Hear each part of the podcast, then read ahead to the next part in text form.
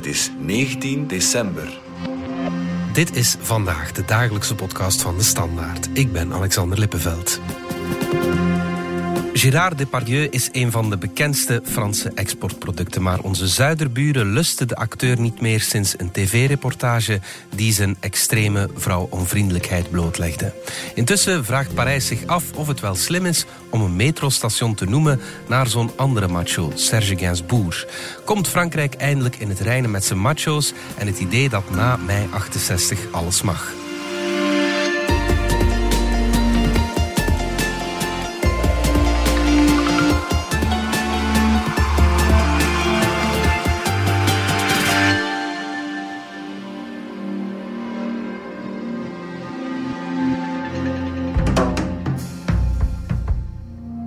Jolien de Bouw, onze correspondente in Frankrijk. Het Waalse dorpje Estampui is een ereburger armer.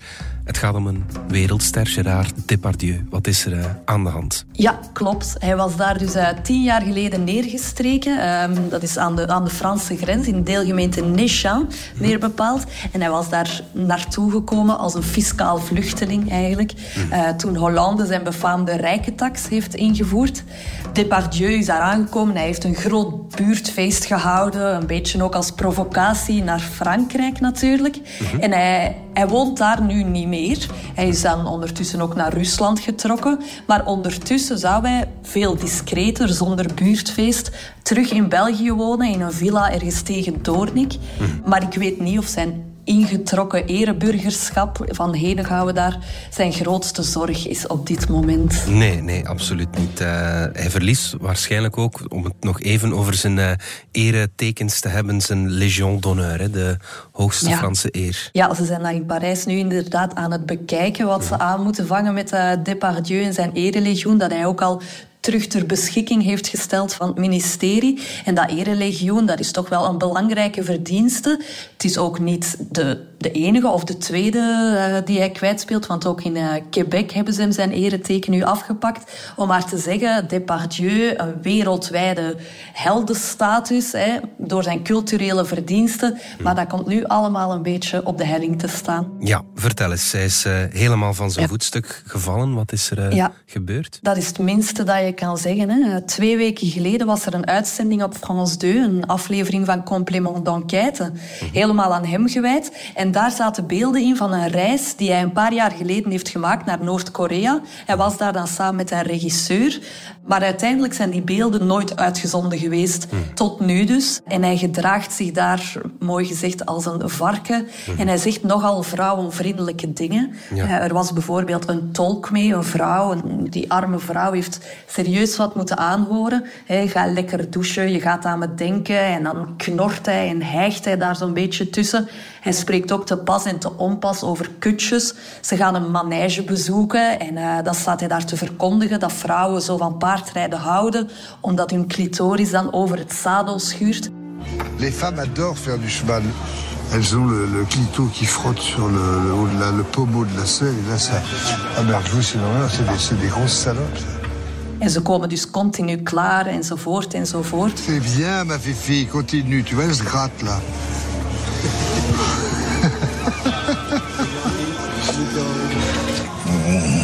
Hij ziet dan ook een jong meisje op een paard, een kind van een jaar of 12, 13. En ook daar gaat hij dan vunzige opmerkingen over maken. Dat ze klaarkomt tijdens het galopperen. Doe zo voort, meisje. Weer dat geheig daartussen. Bon, heel appetijtelijk was die reportage dus niet. Maar ergens had hij die reputatie toch al, dat hij zo grofgebekt kan zijn. Ja, ça va, c'est Gérard, zeggen ze dan. Mm. Ja, Gérard Depardieu, dat is provocatie. En dat is ook wat ze binnen dat milieu altijd zeiden. Hè, van, mm. ja, hop, dat wordt dan weggewuifd. Met de mantel der liefde en der aanbidding wordt dat bedekt. Mm. En je zou dan kunnen zeggen, als het bij woorden blijft, oké, okay, ça passe, maar dat is nu eigenlijk het hele grote probleem. Het blijft niet bij woorden, want in diezelfde tv-uitzending getuigen ook drie vrouwen over aanranding en verkrachting door uh, Depardieu. Mm-hmm. Er is bijvoorbeeld actrice Sarah Brooks en die heeft in 2015 in een serie gespeeld met Depardieu. Zij vertelt hoe hij zijn handen in haar short duwde. Zij heeft hem dan weggeduwd en zij ging daar ook over klagen tegen de crew van die serie. En daar zei Gérard Depardieu dan zelf... Ah, ik dacht dat jij het wou maken in de filmwereld. Die crew vond dat wel een grappige repliek. Die zijn daar een beetje mee beginnen lachen. Dat is dus eigenlijk een beetje de sfeer die er rond Depardieu hing. En nog wel rond andere figuren in die, in die cultuurwereld. Een andere actrice die een boekje heeft opengedaan over Depardieu. Het zijn er nu ondertussen al meer dan tien de, de voorbije jaren die hun verhaal hebben gedaan. Die zei ook dat iedereen eigenlijk in de filmindustrie weet dat Depardieu vrouwen aanrandt. Er zijn ook twee klachten officieel al tegen hem ingediend. Dus het is geweten, maar niemand zegt iets omdat hij de koning van de set is. Il n'a pas attendu d'être en Corée pour être euh, aussi vulgaire, aussi grossier, aussi agressif avec les femmes. Sur tous les plateaux de tournage, il est comme ça. Et sur tous les plateaux de tournage, les gens sont indifférents. Et cette indifférence-là, elle est... Euh, elle est incompréhensible, elle est assourdissante. C'est pas seulement lui qui se conduit comme une crapule avec les femmes, c'est tous les autres qui le laissent l'être qui l'encouragent à l'être, qui applaudissent ça, qui le laissent démolir des femmes pour leur vie entière. Er is ook een uh, voorbeeld dat toch heel tragisch geëindigd ja, is. Hè? Ja, het tragisch verhaal dat is uh, van Emmanuelle de Bever. Mm -hmm. Dat is een actrice, niet zo heel bekend, zeker nu niet meer, maar in de jaren tachtig had hij even succes, vooral in een bekend tv-feuilleton.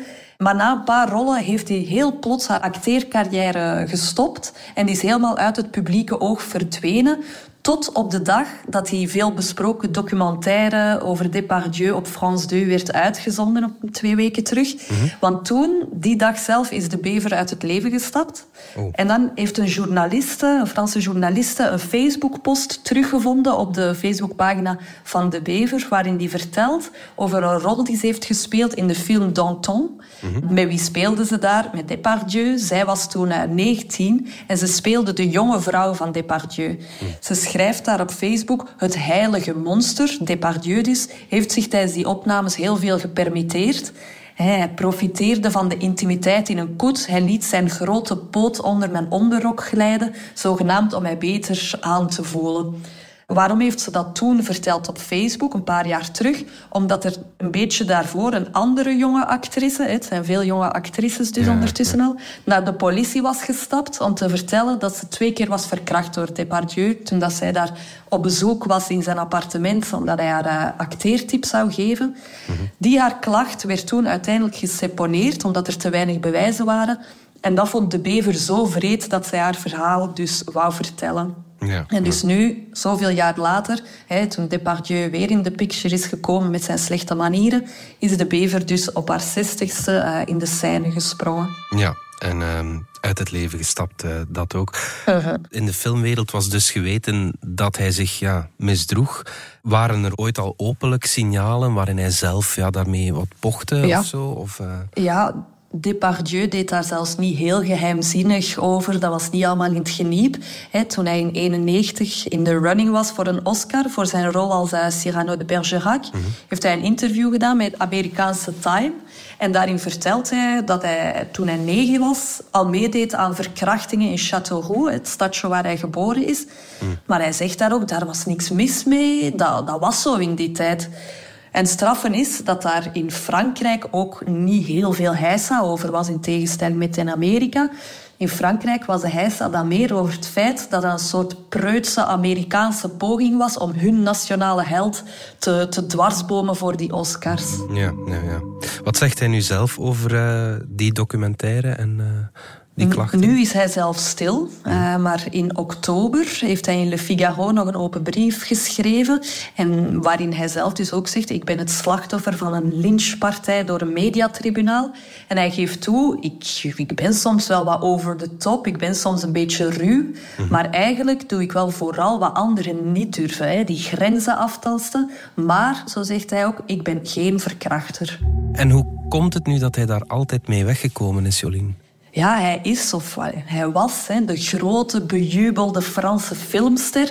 De machtige man in de Franse filmwereld. Mm. En als hij meespeelde in een film, dat staat natuurlijk garant voor succes. Dat staat garant voor opbrengsten.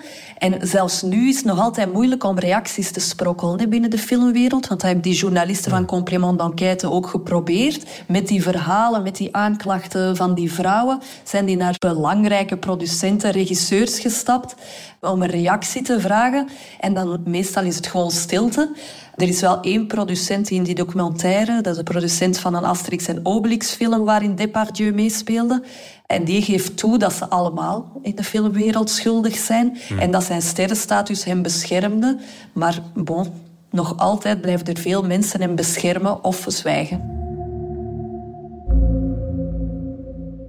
Er is nog een halfgod die van zijn voetstuk valt. Je vais, je vais je Serge Gainsbourg, de zanger. Sta me toe om nou, toch niet echt verbaasd te zijn dat hij nogal geobsedeerd was met seks. Een petit animal.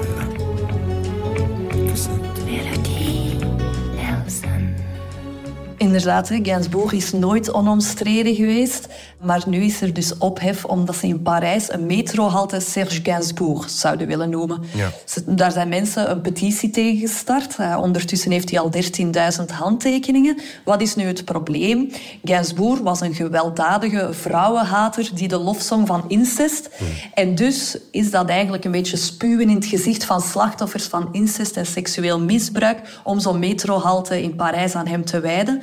Dat zijn niet mijn woorden, maar van die petitie. Mhm. En dan op de site van die petitie leggen ze helemaal uit waarom dat nu eigenlijk een probleem is volgens hen.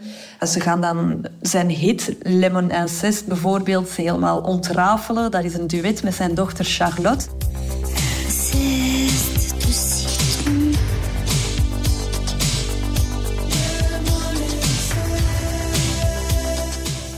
Die was toen 13 jaar.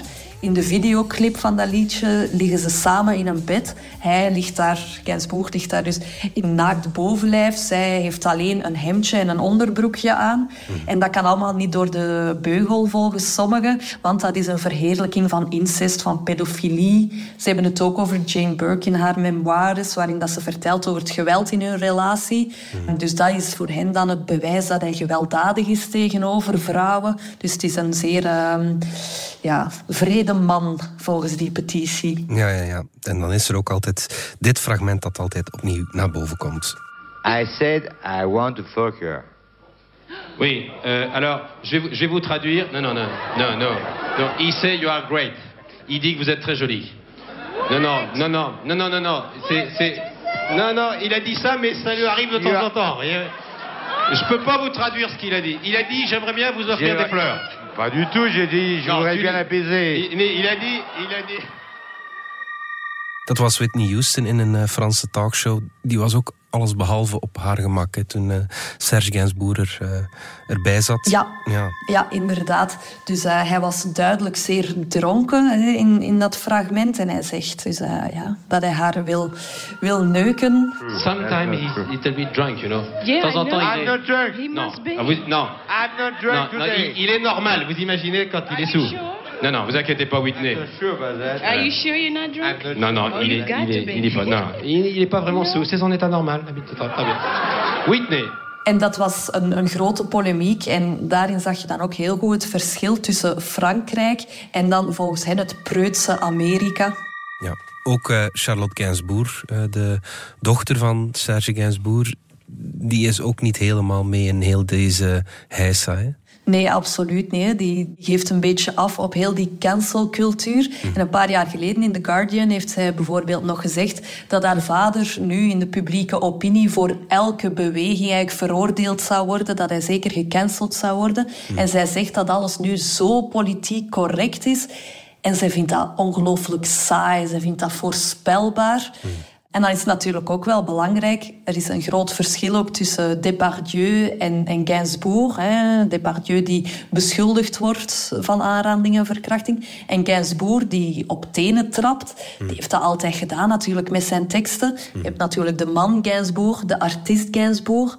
En als je dan dieper gaat graven in, in Gainsbourg zijn teksten en in zijn oeuvre waarin bijvoorbeeld die incest wordt besproken. Dat wordt wel aangekaart, maar dat wordt niet echt verheerlijkt, in tegendeel. En dan klinkt de kritiek natuurlijk dat nu in onze tijden van woke-cultuur, van cancel-cultuur, al te snel conclusies worden getrokken, dat ze niet meer diep genoeg gaan graven en dus helemaal naast Gainsbourg zijn opzet trappen. Ja. Jolien, ik word wel wat ongemakkelijk van alle verhalen die je nu al uh, verteld hebt, om eerlijk te zijn. Het lijkt wat alsof Frankrijk MeToo nu pas ontdekt. Maar, als ik me goed herinner, uh, twaalf jaar geleden was er toch al een heel ophefmakende zaak. Hè?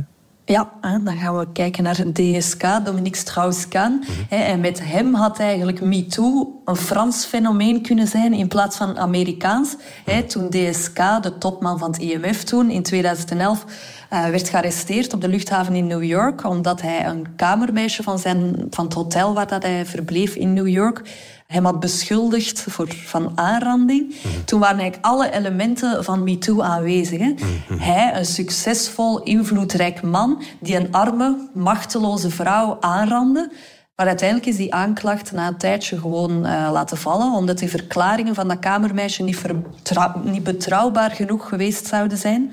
Uh, op tv is Strauss-Kahn dan komen vertellen dat het een ongepaste relatie was. Hij gaf toe dat hij een morele fout had gemaakt. Mm. Bon, heel, die, heel die affaire heeft toen wel zijn presidentiële ambities gefnuikt. Maar uh, in Frankrijk klonk ook wel hier en daar dat het een Amerikaans complot was tegen hun misschien wel toekomstige president. Hmm. En uh, ja, net zoals bij Depardieu was het ook bij Strauss-Kahn een publiek geheim in de politieke wereld dan. Weet zo'n elitaire wereld natuurlijk. Hmm.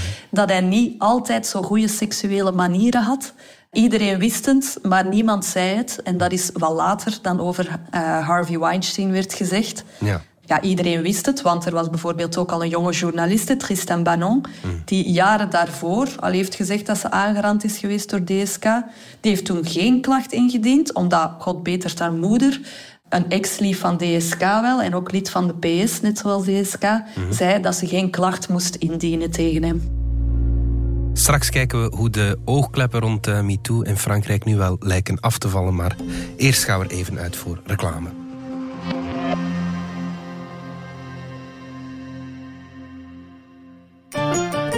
Komende 30 seconden verrijken 54 beleggers hun portefeuille. Investeren er daarvan 47 ecologisch verantwoord, nemen 33 cryptomunten terug een duik, waarna 447 miljoen EU-inwoners opgelucht ademhalen omdat de euro lijkt te stabiliseren.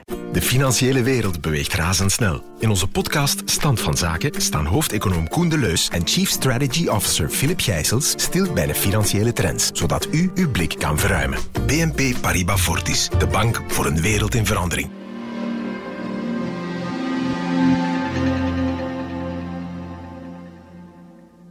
Jolien, terug naar jou. We hebben die zaken nu geschetst rond uh, Depardieu en Gainsbourg en dan DSK van het verleden. Hoe komt het dat ja, MeToo nu pas lijkt te arriveren in Frankrijk? Nu pas lijkt te arriveren. Het is al even bezig hoor.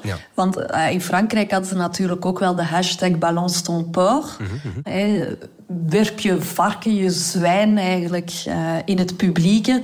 Dat werd dan iets na MeToo uh, als de Franse versie. Ja, de Fransen hebben natuurlijk graag hun eigen versie van uh, Amerikaanse fenomenen. Maar het was een beetje hetzelfde. Ook een hashtag die dat dan op sociale media ging leven en waarin dat vrouwen dan hun verhaal deden over uh, wat ze met, met mannen meemaakten. Mm. Maar hier in Frankrijk zag je toch, misschien meer dan in andere landen, ook heel veel verzet tegen die beweging. En zeker dan in die bepaalde kringen, die elitaire kringen, zoals ik uh, al zei, politiek, cultureel.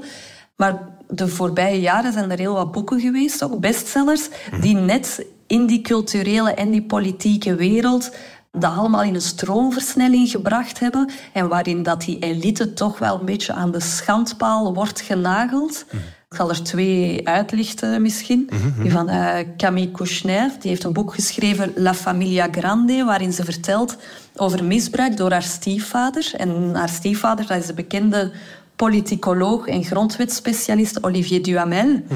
En die Duhamel die had een buitenverblijf waar in de zomer zijn vrienden uit Parijs dan voornamelijk. De politiek-culturele elite kwam rondhangen in, uh, in ware mei 68-stijl. Hmm. Dus kinderen en grote mensen gingen daar samen naakt rond bij het zwembad.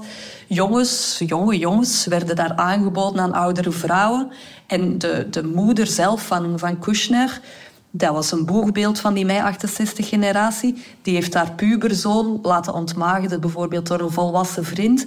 En zij spoorde Camille, die toen elf jaar was, ook aan om seks te hebben. Hmm. Dus heel dat boek gaat erover. Dat was een, een kleine bom die daar uh, gegooid werd. Omdat daar echt wel grote machthebbers ook uh, tussen zaten. Hmm. En dan had je ook Vanessa Springora. En die haar boek is nu verfilmd ook. Dat is Le Consentement. En daarin vertelt zij over de relatie die zij toen als 14-jarige had met de auteur Gabriel Matsneff. Hmm. En dat was een openlijke pedofiel. Dus iedereen wist het eigenlijk, de politie wist het ook. Maar Matsneff die genoot van zoveel respect om er echt veel heisa rond te maken. En uh, ook Springora, haar moeder zelf, die stond die relatie toe. Uh, ze schrijft dan ook uh, dat haar moeder, toen zij adolescent was, haar lichaam en verlangens eigenlijk nog taboe waren. En die was net 18 jaar geworden dan in mei 68.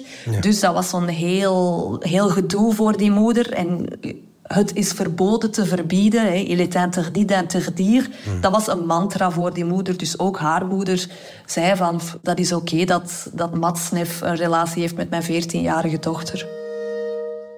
Je haalt al een paar keer die geest van mei 68 aan, Jolien. Kan je nog eens uitleggen wat dat juist is?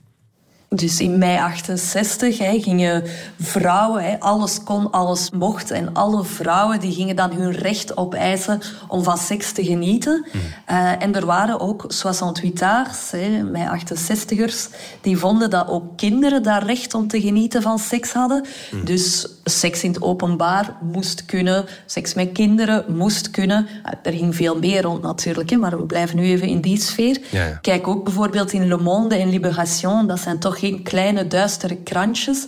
Die hebben in 1977 uh, een, een, brief van Matsneff, uh, de schrijver, gepubliceerd, waarin hij ook gewoon seks tussen volwassenen en kinderen verdedigde. Hm. En hij stond daar zeker niet alleen in, want dan waren er culturele grootheden als Simone de Beauvoir, Jean-Paul Sartre, Roland Barthes, die die tekst ondertekend hebben.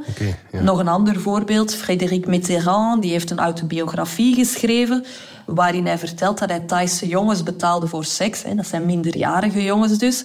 En toch werd hij gewoon minister van cultuur. Sabas, hè, dat, dat kon allemaal. Kijk ook Roman Polanski. Die zag dan in Frankrijk het beloofde land, omdat uh, wanneer hij in de VS een 13-jarig meisje had gedrogeerd en verkracht en moest vluchten. Hmm. En in Frankrijk werd dat dan een jeugdige vergissing genoemd door de grote filosoof Bernard-Henri Lévy. Ja. Dus hij was hier welkom. Ja, ja, dus die geest van mei 68 die is gewoon heel lang blijven hangen in Frankrijk.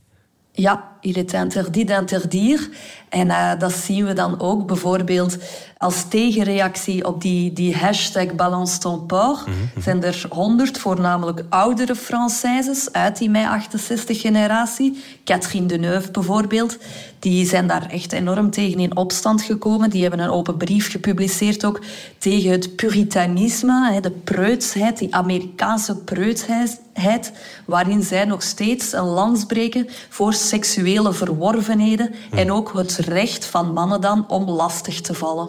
Ja, ja, ja het recht om lastig te vallen. Maar is er nu toch iets uh, veranderd de afgelopen jaren? Ja, er is veel veranderd. Hè. En dan zeker ook uh, met, die, met die twee bestsellers die ik heb aangehaald. Mm. Uh, als die nu in Parijs rondloopt, dat is al een paar jaar...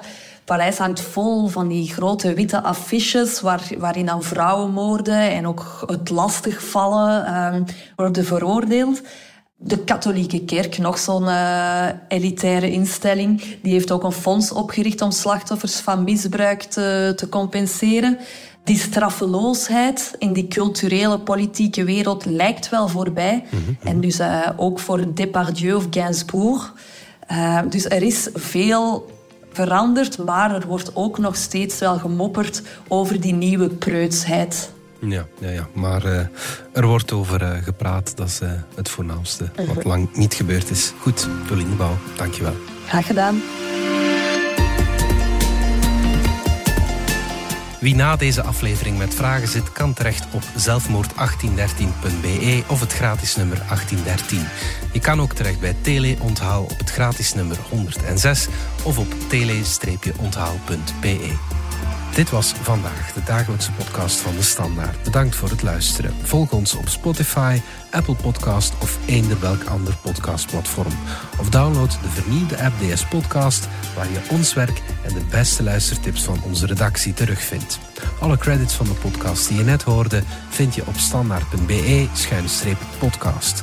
Reageren kan via podcast.standaard.be.